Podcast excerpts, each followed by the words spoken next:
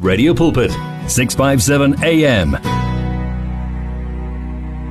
uyasigcina ngaphansi kwamaphiko akhe uyasinakekela ungubaba angeke bazalwane asiyeke uyabona nje umyalezo namuhla ulapho ekutheni ngeke ashiye futhi ngeke asiyeke uyashokela umzwakhe myeni uthi till the storm singeneke singeneke ku the last hour eh sihambile kakhulu isikhathi sethu bazalana 21 after 4 o'clock kwamanje ke ngikanye nomama umamsi Ndlalani eh singena ke kwi discussion yosuku namuhla ke sithatha encwadini ka Isaiah 1 um verse 18 a conversation with my father mama sawbona Sanibonani ninjani? siyaphila mfundisi wami wena njani Yo, I'm good. Happy birthday baby girl.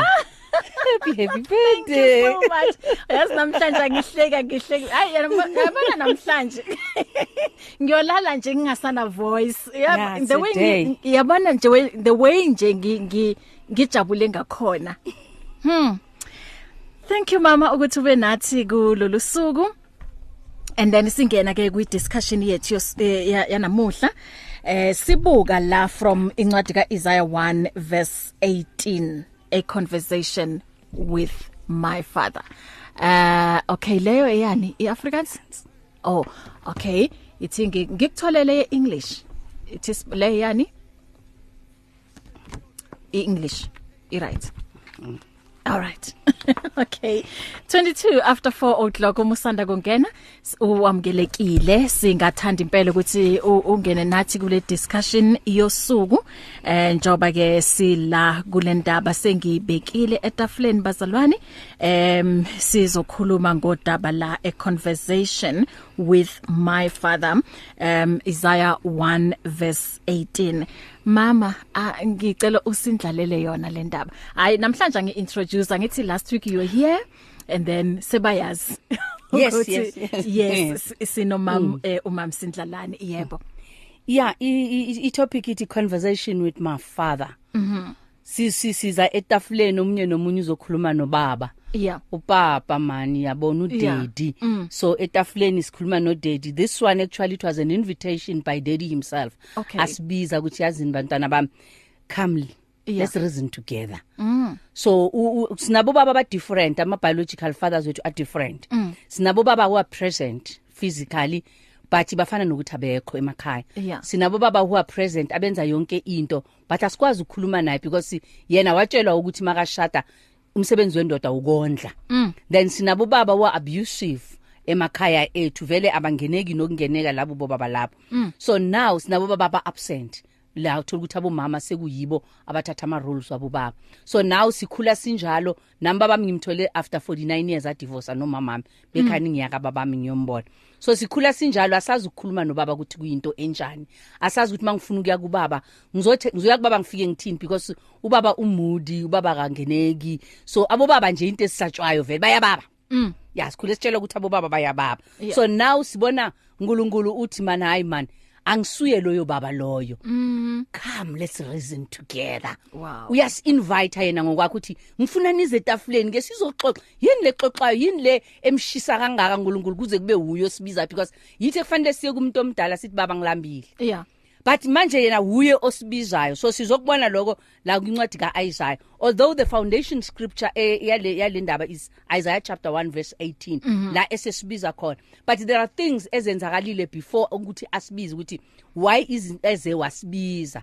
so ngizocela ukufunda nje la kwi Isaiah chapter 1 ngicela ukufunda nje uverse 1 nginifundele uverse 4 u5 no6 bese ngizoyofunda lapha ke na ke kuverse 18 hayi hayi verse 1 verse 2 okay uthi hear me you heavens listen earth for the lord has spoken i reared children and brought them up but they have rebelled against me the ox knows its master the donkey its owner's manager but israel does not know my people do not understand Woe to the sinful nation, a people whose guilt is great, a brood of evildoers, children given to corruption. They have forsaken the Lord. They have sp- they have spent the Holy One of Israel and turned their backs on him. Why should we be beaten anymore? Why do you persist in rebellion? Your whole head is injured. Your whole heart is afflicted. From the sole of your foot to the top of your from the sole of your foot to the top of your head mm. there is no soundness. Bayahlanya labantu. Only wounds and wets and open sores not cleaned and and, and bandaged or soothed with olive oil. Now besathi come let's reason together ku number 18. Uthi come now let us settle the matter kule version le says the Lord. Though your sins are like scarlet they shall be as white as snow. Though they are red as crimson they shall be like wool. So izinto ezenza la ukuthi uNkulunkulu asibide usibitela tafuleni manje uthi into engiyibonile la kini bantwana bami kune reason ukuthi sihlale tafuleni uthi ingqondo zenu is no longer sober mm. there's no soundness in your mind mm. uthi you are rebellious Mm.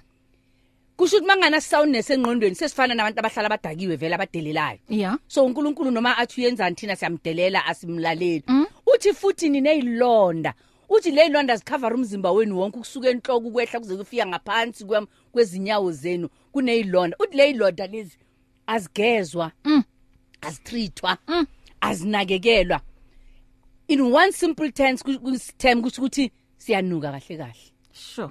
phambi kwaNkuluNkulu sicabanga isilonda nje masi 1 sikhipha ubovu Mm. singagezwa so how much more ngeyilonda eziningi uthi we even have wells iwells ama rash lankamane Yeah. Mm. akho into right emzimbeni sibolile kahle kahle uthi nje umzimba yonke indawo suka ekhanda ukuya enzani uthi sibolile uthi manje ngifuna ukususa ukubola kwenu yini Mm. Uthi wozani, lengaka yeah. manje Se- se- seniyanginukela man ngicelanise mana ake ake sikhulume ukuthi ke ke- ke- Kwenzakalani? ake sihlale Yeah. etafuleni man uthi ake sixoxe ake sixoxele indaba ake ningitshele ukuthi kahle kahle kwenzakalani why are you so rebellious Mm. why senihlanya kangaka ingqondo zenu zingasasebenzi kahle Mm. why imizimba yenu seyinuka nqa anisayinakekeli nokuyinakekela anisazigezi nokuzigeza lezi lona Yo. so come let's have a conversation i am your dad Ufuna ukuzwa ubaba Ufuna kubantwana. ukuzwa kubantwana because there are benefits on the table Yeah. once you go on the table there are benefits mntanisekhaya Yeah. So it's either you go you take the benefits or you live in shame and you live ngeyilonda zakho ube njalo uNkulunkulu akulahle. Mhm. Ngoba uthi when you come on the table etafuleni kulamafa a- ahleshulwa khona. Yeah. Ngawufika etafuleni kula ufika usam uthole khona usam 23 kuthi the Lord is my shepherd I shall Yeah. yeah. not want. And akunama secret. Akuna secret akuna next provision is on the table. Yeah. uthi lana isilonda uthi into yokuqala uzoqala uyithole mawufika etafuleni uthi izono zakho zizothethelelwa uthi i don't care ukuthi ube rebellious kangakanani Mm. uthi but your sins will be forgiven you, you, you, you'll be cleansed Mm. noma singaba bovu kanjani uzoba mhlophe that's the first thing that happens on the table when you sit with god Yeah. uthi baba yimlongi nje nginalezi londa nginako konke my god i want you to accept me as i am uthi i will clean that's the first benefit that you get AS2 ibenefit uthi ngizozwa umkhulekwa because when you read this chapter before ufika ku18 usho kahle uthi nemthandazo yenu mina seyangicasula futhi miningi kakhulu niyayenza uthi angiseva nix uthi nale mali yenu eninikelayo angazi ninikelelani because mina ngisweli uthi angifuni le mali yenu ingcolile hamba niyozigeza uthi angidinga ngibona so siyanikela nje kodwa kwenzakali nix because si rebellious kuNkulunkulu Sure. asinikeli ngendlenge inhliziyo evumayo Yeah. asinikeli before siyanikela sinikela siya complain uthi okuwes i don't even fellowship with you you know God it's in the whole chapter just before you go to chapter to v- chapter to verse 18 Yeah. uthi in your gatherings i'm no longer part of as impressing anix Mm. yonke into singaye emasontweni siyenzeni sigcoke kahle siyenzeni we are rebellious to god as long as we are rebellious uthi moya ongcwele simcimile simsusile usukile uNkulunkulu kithi akasekho kodwa namhlanje ntambama uthi come let's reason together i ah. am your dad let's have a conversation mm. then you'll benefit because sineyilonda eziningi sisi sineyilonda zokuhlupheka Yeah. sineyilonda zo- zokungasebenzi sineyilonda zokungathola umshado yizo lezi ezinukayo esingakhona ukuzilapha sisi sine- sineyilonda zokungabi nendawo zokuhlala sihamba siyahlala sihlale eyitradini sineyilonda zokuswela imoto okuza nje la or yokuya nje esto sineyilonda zokungatholi abantwana but unkulunkulu uyazibuka nje lezi londa akathi ukuthi zilonda tani uthi come Come. let's reason together and uthi come as you are uthi njengoba unjalo wow then you'll get the benefits mm siyawafuna lamafa yebo ngibhayibheli lami lithi seek ye first the kingdom of god all these other things shall be given unto you Uthi there'll amen be added. amen amen i-wealth i-glory i-grace i-peace ezangapha emhlabeni mm. there's no grace there's no peace ezulwini mm. siyokwenzani ezulwini sesiyahamba sesiyophumula nje kuphela nonkulunkulu ibhayibhile lithi siyawoshipha kuphela every day glory glory glory glory glory mm akho ukuthi nje igolide uzabe usalifuna imoto uzabe usayifuna umuzi Yeah. uza- uzabe usawufu- awusafuni nomshado mm zonke le zinto sizithola ngapha so unkulunkulu uthi come to the table yeah let's, let's let's have a conversation Mm. So uh, omunye mfundisi wami angathi uyazini I've been trying ukuthi ngixoxe noNkulunkulu. Kodwa inkinga yami ah, okay ngiyakhuluma naye kodwa mina angimuzwa. And then a- a- akuna any response ngathi uNkulunkulu u- uthulile ngabe ingenxa yezono zami okukhona into engayenza kuyena ingakho angaphenduli noma ng- ngingamuzwa ukuthi ke uthini o omunye mhlambe uthi ngiqala kanjani iconversation noNkulunkulu Ush- ushilo yebo phambilini ukuthi uza kuye uthi baba yimlo ngeyilonda zami yimi lo ngenhliziyo ephukileyo so uma isimo sami sikanje ngenze njani uyabona um, njengoba ukhuluma ukuthi ubaba nengane ayikho into ebhlungu la kuthola uyingane and then kunezinto ozenzayo uyazi sikhona lesi sikhathi sokuthi ufuna u- u- ukuthi u- uzwe umama eh eh eh eh, eh, eh Thethisa. E-, ekuthethisa ukuthi Angashonelwa. bahle ya angifuni ukuthi uyenze into kanje na kanje but um kufike leso sikhathi ukuthi bebaloku bakuthethisa kodwa awulaleli uyaqhubeka uyayenza lento A- agcina umzali athi hayi angisakhulumi niks nobahle ubahla ngithi uyazi ukuthi yena wenzani akaqhubeke nje ne- nempilo yakhe then kube buhlungu nakuwena uyingane uthi hayi mara umama uyabona ukuthi lento engiyenzayo i wrong why manje sekathulile ukhohliwe ukuthi wake wakhuluma nawe wakubeka phansi wathi bahle ungayenzi lokhu nalokhu nalokho so back to my question ukuthi uyiqala kanjani iconversation ngabe i- it's because of m- ungamuzwa uNkulunkulu or ubona ngathi aka respond mhlambe ingenxa yezono ozenzayo or ingenxa ingenxa yezinto mhlambe okukuthi uNkulunkulu akayithandi and then uthi hayi lo ithi ngimbekele eceleni sengikhathele uyena there's no way in which uNkulunkulu will not respond if Yeah. uyaya ukhulume naye. Mhm. But the only way ozobona ngathi uNkulunkulu aka respond ukhumbula uDaniel uNkulunkulu wa responda same day yeah kodwa zange ifike impendulo.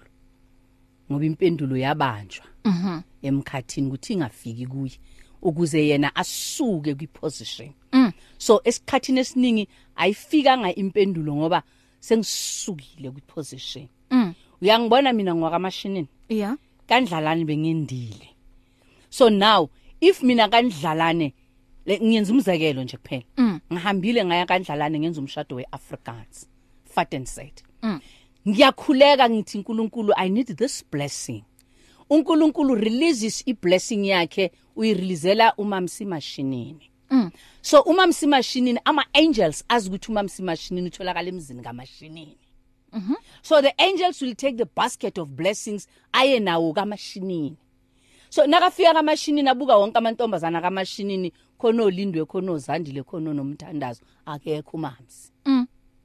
azoyishiya kubani ibasket yeah akho umuntu azoyishiya ngawo angithola impendulo sengiyakhuleka baba mina la kandlalane ngisalinde impendulo kwathini kwathini athi uNkulunkulu oh ngathi sekunomamsi mndlalane mm angithi mina ngisashaye lo eAfrikaans yes athi right ngathi kandlalani kunomamsi mhlambe izingelosini lahlekile Yeah. ake niyobuka kandlalani mm ziyahamba ingelosi ziyafika mazifika kandlalani officially abantwana bakandlalane ngovuyiswa ngonomsa ngonomvuyo ngosilvia mm eh, angel gets confused yeah kanti enhleki waye ngiloku ngimukiswa lena lena lena lena lena uphi sisuke yeah kwiposition asikho la kufanele ukuthi uthole impendulo ikuthole ukhona mm uthi uJehova ungumelusi wami uDavide kusho ukuthi uyakulusa la kulusela khona fanele u- u- ukulusa because uyondlala itafula mm so fanele athi makaqeda ukulidlala letafula makebuka emuva kufanele uhlale etafuleni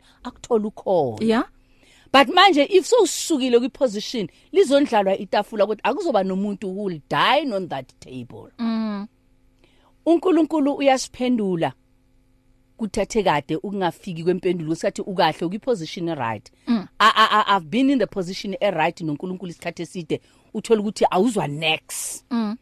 uthandaza ufast uyenze konke ungeva nix ene uhamba kahle noNkulunkulu ungezwa nix ukhona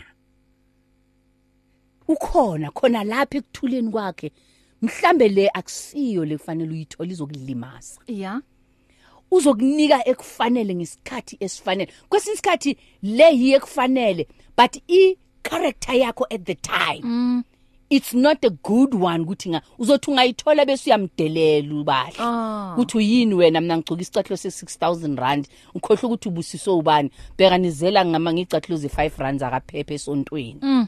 uyabona uNkulunkulu usadila necharacter yakho usafuna ukulungisa icharacter yakho kuqala ukuthi naseyifika lento uthi baba ngiyabonga ngoba nako lokhu kuvela kuwe Amen. Amen. Amen. Ngikuzwa kahle mina. Eh lapho ekhaya niyamuzwa eh, umfundisi eh, njengoba sixoxa le ndaba a conversation with my father. Isikhathi ke sithi 16 um 36. Ngicela ukuthi ke ngindlule ngala uma ngibuya mhlambe ke uthanda ukungena nawe kule conversation or eh, unemibuzo asithi nje um sizokunikeza ithuba lokuthi ke uxoxe la nomfundisi noma ke umbuze umbuzo ngiyabuya Discover an abundance of life. 657 AM.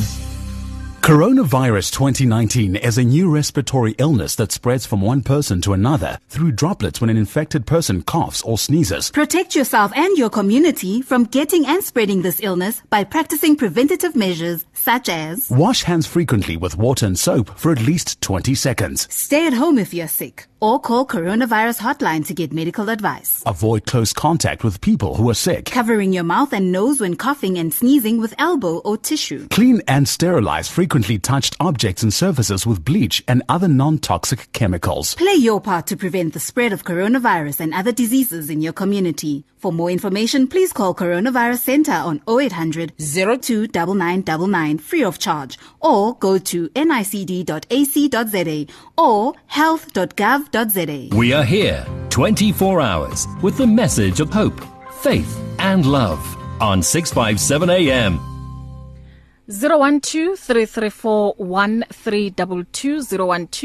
0123341322 ungathumela nomyalezo wakho ngewhatsapp ku-0826572729 noma na uthanda ukufaka uvo lwakho kulolu daba esilikhulumayo namuhla ntambama eh, silithatha lapha encwadini ka-isaya 1 verse 18 eh, sibuka la a conversation with my father eh, ngabe uba nayo i-conversation nobaba usuku nosuku uma u- uxoxa naye noma ke esekubiza u- u- ukuthi woza sizorizina together iziphi izinto oyikhulumayo em eh, naye o nawe mhlawumbe ungabanye abantu ukuthi hayi mina yazi ngiyazama ukuthi ngikhulume kodwa a- angiyitholi iresponse and kudala ngimcela abanye hey s- bahlezi becomplainer eh, mfundisi wami ukuthi it's been 20 years it's been 10 years ngimcela uNkulunkulu kodwa even namanje ayike yenzeki lento engicelayo Is- isizathu ukuthi mhlambe ngicela wrong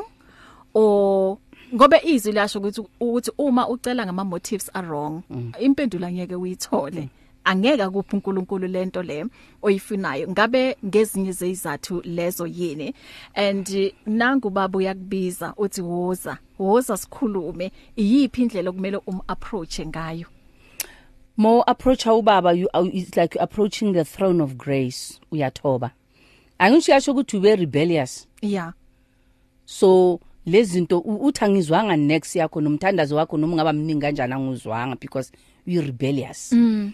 I, i, ukuba rebellious kungezindlela eziningi yeah ngingakhuleka uNkulunkulu ngaba khona esontweni every day mm. but uthola ukuthi ngiyakhononda and then angifuni ukwenza i- into okufanele ukuthi ngi angifuni ukuserva enkonzweni yeah wena uNkulunkulu wakwenzela ipurpose yakho ukuthi nje you must just serve mm. but wena awuserve enkonzweni and you always in church uya intercede uyenza yonke into mara wena and fu- enye into mhlawumbe uya- wena uwe lohleba kakhulu esontweni mabangakayizwa ngayo indaba ayikakabi yiyo bazoshathi Yeah. no no fanele size sive ngumama sayiconfirm yabona u- kunabantu esi- ebesibabiza thina bo-relevant source emsebenzini Yeah. ukuthi anoma nasitshela ukuthi ubani ubhubhile mara singakayizwa ngosibani bani akakabi yiyo uyabona so ku- the- it's part of being rebellious everything yakho i-right uyatitha uyenza konke mm. but there's that element of rebelliousness empilweni yakho ukuthi mhlawumbe ubukela abanye abantu phansi yeah or imoto yakhe yakho uyi-one wena ngeke bagibelise ngoba zoyingcolisa inhle kakhulu so u- unkulunkulu why must god listen to you and bless you more when wena ungabazi abanye abantu ukuthi bayini asukuthi akafuni ukukubusisa nkulunkulu uyafuna kodwa there's an element of rebelliousness okufanele ukuthi udile nalo kuqala Yes. bese unkulunkulu uya- uya- uya- uyakusiza that's why inkonzo yenhlambululo yenhlambuluko it's very much important njalo uma siya kunkulunkulu sizihlambulile kunkulunkulu baba yimi lo njengoba nginje yeah create a new heart yimi lo baba ngiza nginjengoba nginje njengoba uthe ngize nginjengoba ninje then unkulunkulu uzokuphendula there are things njengoba ngishilo ukuthi kunezinye izinto unkulunkulu angeke akunike zona ngoba zizokulimaza yeah so uzifuna iminyaka engakanani ngeke unkulunkulu akunike zizokulimaza kodwa unkulunkulu noma yini uyakunika god gave me umntwana sengingasathola abantwana bodoktar sebathe it's impossible ngeke umthole lo mntwana umntwana ngeke uze umthole benama-miscarriages ayi-two emshado wathi angeke uze umthole umntwana but a woman of god just prayed over me wathi hawu nangumntwana ngiyambona unkulunkulu lamhlisa womfana ngifuna ukuthi hayi ngifuna intombazana nginabafana bethu ngathi esh uzojika naye lo god gave me a miracle child and lezinto esebhayibhilini are things that are still happening today Yeah. and if your god is not that god who's the same yesterday today and tomorrow cabanga kabusha ukomunye unkulunkulu Wow. 0123341322 or Oh, mhlampeni unabo obufakazi ukuthi uyazini bahle mina bengicabanga ukuthi um yonke leminyaka ngikhuleka ngicela kuNkulunkulu be- be- be- bekungathi un- ah, uthulile akaphendule kodwa ngiye ngabona ukuthi hayi cha uNkulunkulu ubeloko elalele. Um uNkulunkulu angithi bazalwane u- uyena owaziyo kangcono kunathi and thina ngesinye isikhathi sinokuthi sibe nama goals wethu sibe nama plans wethu kodwa uNkulunkulu athi hayi i- akumele um u- u- ama plan wakho ahambe ngalendlela eh ikakhulukazi uma senza ama plans wethu ukuya u- ukungayi ngentando kaNkuluNkulu ngiyacabanga ukuthi la amaphutha ethu eh abakhona ngoba thina sifuna ukuzenzela izinto ukuya ngengqondo yami ukuthi okay mina ngifuna ukwenza kanje i know ukuthi lento izokwenzeka kodwa uNkulunkulu ap- athi mm not ngaleyo ndlela so ngiyacabanga ukuthi eh, mfundisi wami ilapho manje kuba nalokho ukuthi uNkulunkulu em akaphenduli and izwi liphinde lisitshele ukuthi em, u- uyayizwa uNkulunkulu imikhuleko yabantu abakholwayo em ngokweqiniso njoba usho ukuthi yebo uyayiza imikhuleko and there's no way angaphenduli even no no kusese yimpendulo I- angithi Mhm. Asize lapha emakhaya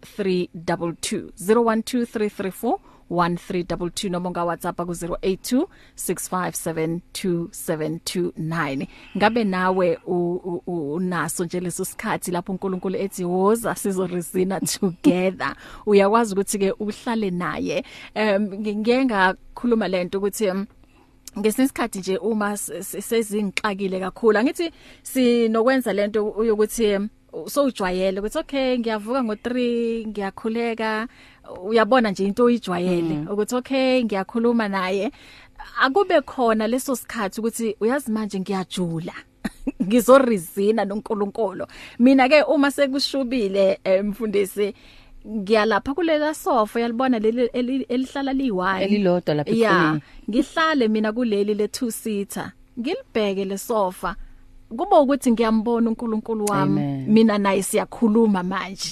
ngimbukile s- sibhekane emehlweni eh siyaxoxa so a- akube khona nje leso sikhathi kakhulukazi lapho u- ubona ngathi uNkulunkulu akaphendule noma ngathi uNkulunkulu em akakuzwa mina ngivele ngihlale phansi emethini ek- ekamereni yeah ngihlale phansi ngi- ngi- ngibuke mabona ngithi baba ngiyazi ukhona yeah angisakhona ukukhuleka for lento yeah lento kudala imile ayisuki mm kodwa uNkulunkulu yazi uNkulunkulu muhla kanjani uyamkhumbuza yeah khumbula ukuhamba kwami Jehova yeah ebhayibhelini lakho uthe simkhumbuza ngesu mm. uthi i'll never be disgraced again amen why now ngathi indlela yami ibukeka sengathi ngemahlazweni mm ngemahlazweni kanjani baba sengiphilile impilo yami ngaphilela wena mm. there were things i could have done jehova but i sacrificed my life khumbula nkulunkulu ngangina 13 mangisindiswa beyingasimnandi indlela kodwa ngahlala baba mm khumbula jehova unkulunkulu uyakwehlela sisi amen asithathe umunye la elayinini sawubona dumelo semoyeni Kukhona. khalimambo Eh manje ke ngiyayizindaba lapha ayikhuluma umfundisi. yebo baba Eh manje libhayibheli likubeka kucace kahle ukuthi uma sizivuma izono zethu uNkulunkulu ethembekile. Ukuthi ukusixolela nokuthi sigeza ngegathendozana yakhe. Manje izono uma seziphelile umuntu umuntu usoba ngumntwana kaNkulunkulu. Sonke izono nje sixolelwe. Ukuthi uyathandaza izinto zingafiki lokho kubekele eceleni lokho. Bona salithandaza nje njalo njalo nje songumntana kaNkuluNkulu. Akusho ukuthi uma ukuzinto zingafiki ezono ni. Izono ziphelele ngokumukela uJesu Kristu. Ngoba uJesu Kristu ungummeli. Mm. Ummeli umsebenzi wommeli ukuphelisa amacala komuntu. mm uJesu Kristu uze la ukucada amacala wethu sihlale singanamacala yeah sikhona ukumukela kumbusweni kaNkuluNkulu mm manje kona kuba khona ukuthi siye mankonzweni njengabasho umfundisi sibe ngabefundi sibe ne- nezikhulu ezingakale enkonzweni kodwa singe singakhethelwanga lezono lezi mm ngoba zona izona ezivimbayo lezono lezi yeah ukhambi lakho lokuthi ziqheliswe uJesu Kristu mm eh kanibamba kwezana Khalimambo, khalimambo ngikuzwa kahle baba ukuthi sihlanziwe ngegazi elika Kristu yebo sixolelwe izono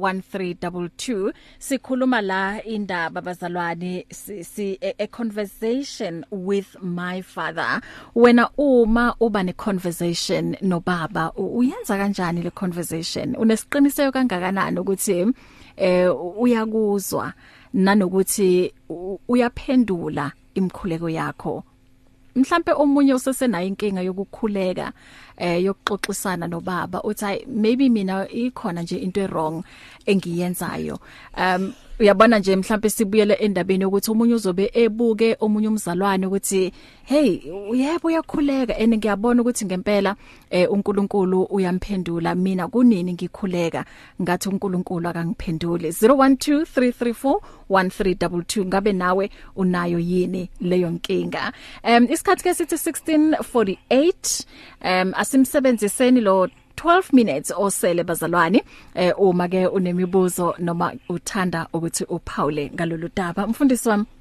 ngiyayithanda indaba yokuthi uma sesisindisiwe sesingabantwana bakaNkulunkulu yeah kodwa ngaso sonke isikhathi fanele sazi ukuthi singabazalwane mase sisindisiwe asindlule insindisweni yeah singene ku relationship noNkulunkulu mhm yenzakala kanjani lento leyo ngicela uyibambe kanjalo ukuthi yenzakala kanjani sithathe omunye la uh oh usehambile okay yeah singaqhubeka yenzakala kanjani angithi mangizensindisweni nginezinto zami yebo nginezinto zami engizenazo Mm. nginale mithi yami ebengisiza ingivikela so kufanele ukuthi manje sengiyandlula insindisweni sengiyawushisa lo muthi ngoba ukusindiswa kukodwa akuzungisiza nga next ngize kwi camp entsha kaNkuluNkulu konke okwaqala kudlulile bheka kudli- kungikuvela okusha manje fanele ngiqale a new step yiso le step kancane kancane masiloku sikufundisa ukuthi so kwenye indawo sophila kanje so uNkulunkulu kazungi entertainer ngisaphethe luyamjolo wami ngisamphethe uJo wami ngisalala noJo every day Mm. uJo akakhipha nga next sisazijolela noJo ngisaliphethe ibhodlela siza vele notshwala bethu siza nomjolo kuNkulunkulu siza sinjalo umntantsi ekhaya Mm. but kodwa ke siyandlula angizukuthola these benefits on the table ngingalahlanga yiku Davide wathi uNkulunkulu ungathathi umoya wakho kimi mm ngoba bekeva ukuthi lokho asakwenzile manje sekususa ngulunkulu kuye kumenza ukuthi ashiyeke ayedwa yiyo nalesikhathi usola mgijimisa athi hey igazi lami lingachithekeli emhlabathini ngikude nawe enkulunkulu ngoba bekazi ukuthi mawuseduze noNkulunkulu uyamfila uNkulunkulu ukuthi useduze uyayifila iprotection but mase ukude noNkulunkulu uyabona ukuthi ngikude noNkulunkulu so asindlule size ngapha sizokwazi ukuthi samukele these benefits ama benefits akhona etafuleni for wonke umuntu yeah the devil will fight for nawe ukuthi uthole these benefits but hlala yeah hlala kubhlungu kubhlungu there were times where i prayed yo abengithandaza ukuthi yo uthandazela umshado wakho for 20 years i've prayed uNkulunkulu kanti enhleki kwenzakalani and then mawuceda uhamba uyoshumayela uhamba uyokhansela abantu babuye bathi siyabonga hey umshado wami ulungile hey ubaba sekatshintshile sekumnandi ekhaya mawuthi uyabheka la kanti kanti enhleki yimi lo muntu onenkinga na yeah mara uNkulunkulu sengihlambulule konke every day ngiya ngiyasida ngiyenza konke yimi lo muntu kanti uNkulunkulu impendulo uthi no yeah it never came from me mm. you have to let go sometimes uNkulunkulu ufika la athi khona let go mm. thina sifuna ukuthi let go yeah sibambelele la. sibambelele nya nya uNkulunkulu ilungise lento kanti wena uyazibambezela ukuthi ungatholi sibambezela lama ukuthi ungathola ama benefits benefits ey ngoba ngifuna ukufosta uNkulunkulu ukuthi akamukele lento yami yeah ibe ayishintsha akayenzi ngiye- ngiye ngithandayo uNkulunkulu uthi no look at the cross there's something better eh eh uNkulunkulu lungisa yona lengiphethe ekhwapheni so kanti yena uyazi ukuthi mhm phela kulama benefits uyazi ukuthi uzothola ijoy uzothola ipeace uzothola ukwaneliseka Mm. Oh. okuyizinto ukuthi uyayitshontsha kuthina ingakho sigcina sine pride ingakho Mm. Yes. sigcina si si- si- singekho obedient kuNkulunkulu uyabona 0123341322 em sisesenayo ke imizuzu embalwa la ukuthi ke singathatha ama calls wakho ithi ke ngenze kanje Words of truth and value. You'll find it on 657 AM.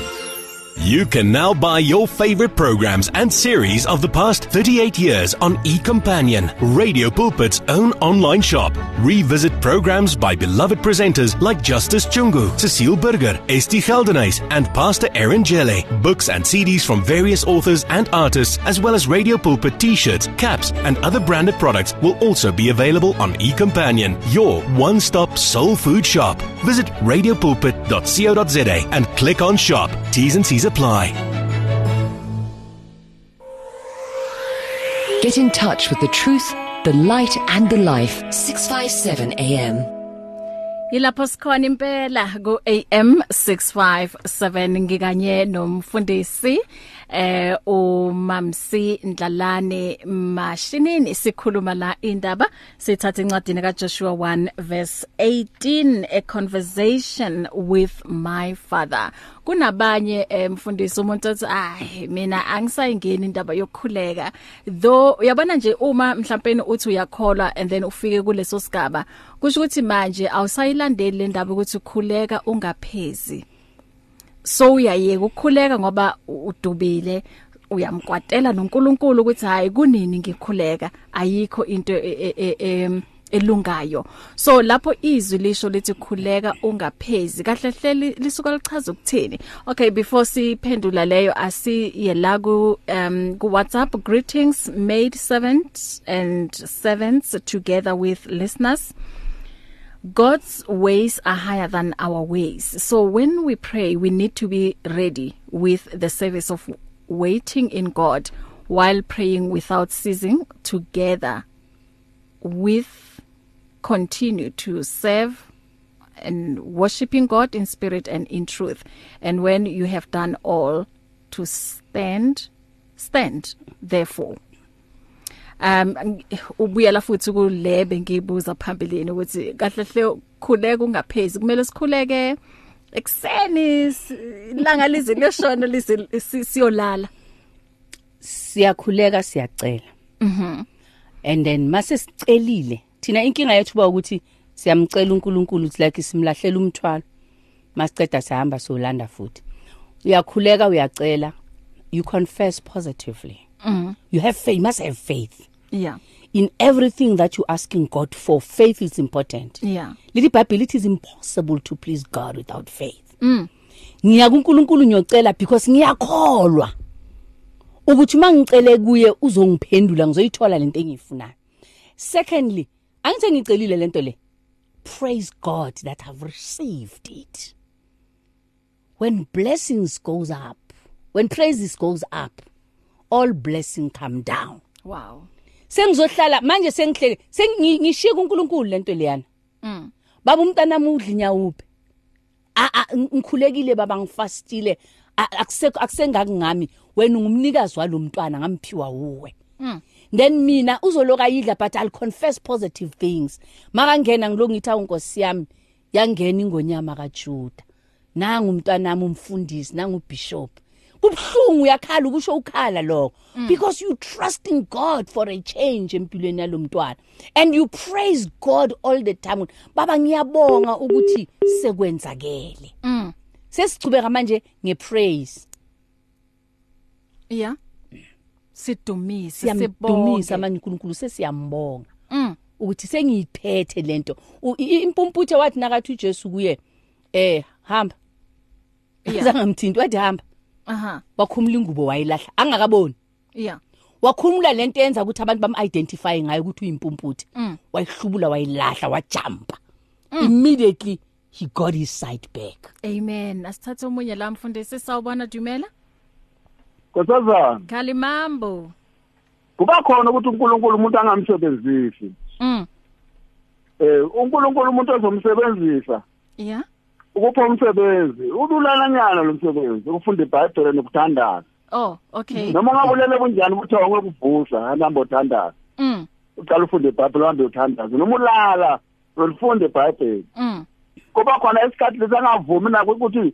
ungakhulumi uhlala ungakhulumi ne- ne- ngevangeli lakhe akafuni lokho ufuna uhlala ukhuluma ngevangeli manje lokho sokusebenziswa ubuye uNkulunkulu yeah kuba khona ukuthi uNkulunkulu angamsebenzisi umuntu mm Eh, lapho kuba khona ne- ne- ne- ne- iphiconyana lapho ehe mara uNkulunkulu makusebenzisa labo bo- labo abomama bonke bayahlalela le kude lesi mm uthi ngashiya konke ngashiya amagugu wami ngamlandela izasindisa kwakucula leyo ngoma leyo Mm. sashiya vela ya ngashiya abaningi kabi mina ngabashiya ngamukela ujesu kristu Mm. bahamba bangibheka nje mina abantu ehe ngahamba ngahlala egrandville lapho-ke akwenzana lutho lapho mm lapho ku-straight kakhulu ngasela ngahlala kamnandi-ke lapho mm Eh. Nga- nga- ngankulunkulu waqala ukungisebenzisa lapho amen manje kubakhona ukuthi uNkulunkulu umuntu angamsebenzisi Aha. kuba inkinganyana lokho kanti bambe kosaza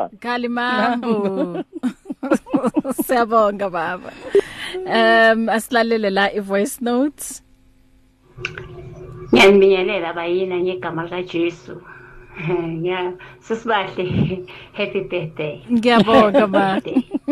Happy birthday sis. Thank you. Happy birthday. Keep on ekunamatheleni kuNkulunkulu. Keep on Amen. ekunamatheleni kuNkulunkulu forever. Amen.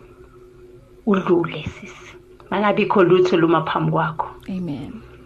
Ngiyabingelela incekazi kaJehova lapho. amen ngathi unenkani mara of course vele into zikaNkuluNkulu kumele ube nenkani Yeah.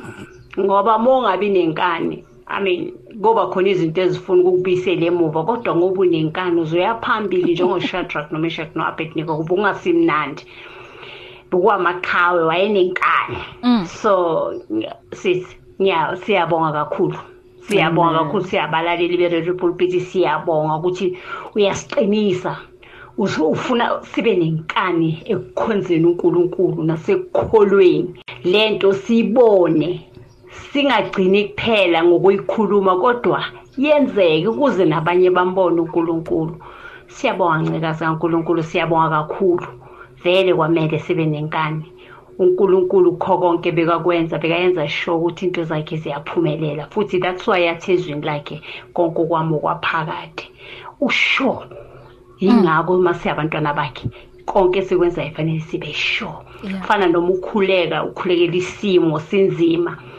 kuyisikhathi kumele uhlale kuNkulunkulu uhlale emkhulekweni ngalesikhathi ukhuleka ugcwala iphisi uNkulunkulu uba nomuso ukupha enye iphisi ongayazi ukupha nje ipeace ekubeni bukhathazekile akugcwalise ngepeace that shows ukuthi akuphendulile already and wena mele keep on ekubongeni uNkulunkulu kuyilapho umuntu azombona uNkulunkulu ukuthi uNkulunkulu ukhona uNkulunkulu uyaphendula Amen. phikelela njalo umbonga uNkulunkulu uzombona uNkulunkulu wadlala irole yakhe ngiyabonga bayini ngiyanthanda ngegama likaJesu ngiyanthanda kakhulu uNkulunkulu Amen. kahle amen amen Thank you mama. Sure. Oh. Mfundisi wami in 1 second asi asivale.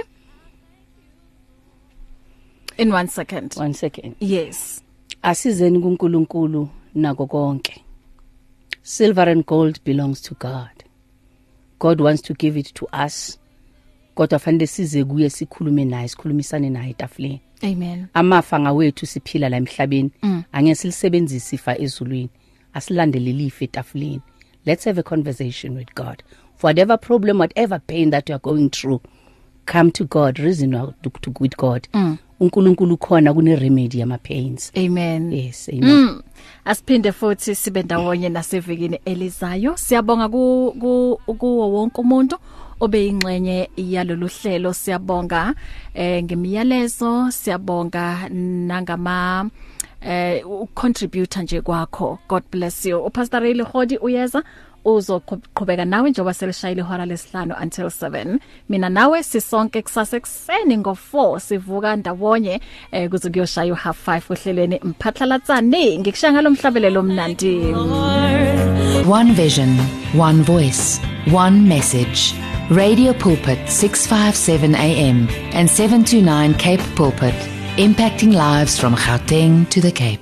If you need prayer, please send your request to prayer at radiopulpit.co.za or WhatsApp 067 429 7564 or go to Radio Pulpit website on www.radiopulpit.co.za. You can now buy your favorite programs and series of the past 38 years on eCompanion, Radio Pulpit's own online shop. Revisit programs by beloved presenters like Justice Chungu, Cecile Burger, Esti Geldenhuys, and Pastor Aaron Jelle. Books and CDs from various authors and artists, as well as Radio Pulpit t-shirts, caps, and other branded products will also be available on eCompanion, your one-stop soul food shop. Visit radiopulpit.co.za and click on shop. T's and C's apply. Download our app now and listen to us wherever you go. Available in the App Store and Play Store. You and 657 AM and life, a winning team on the road to eternity.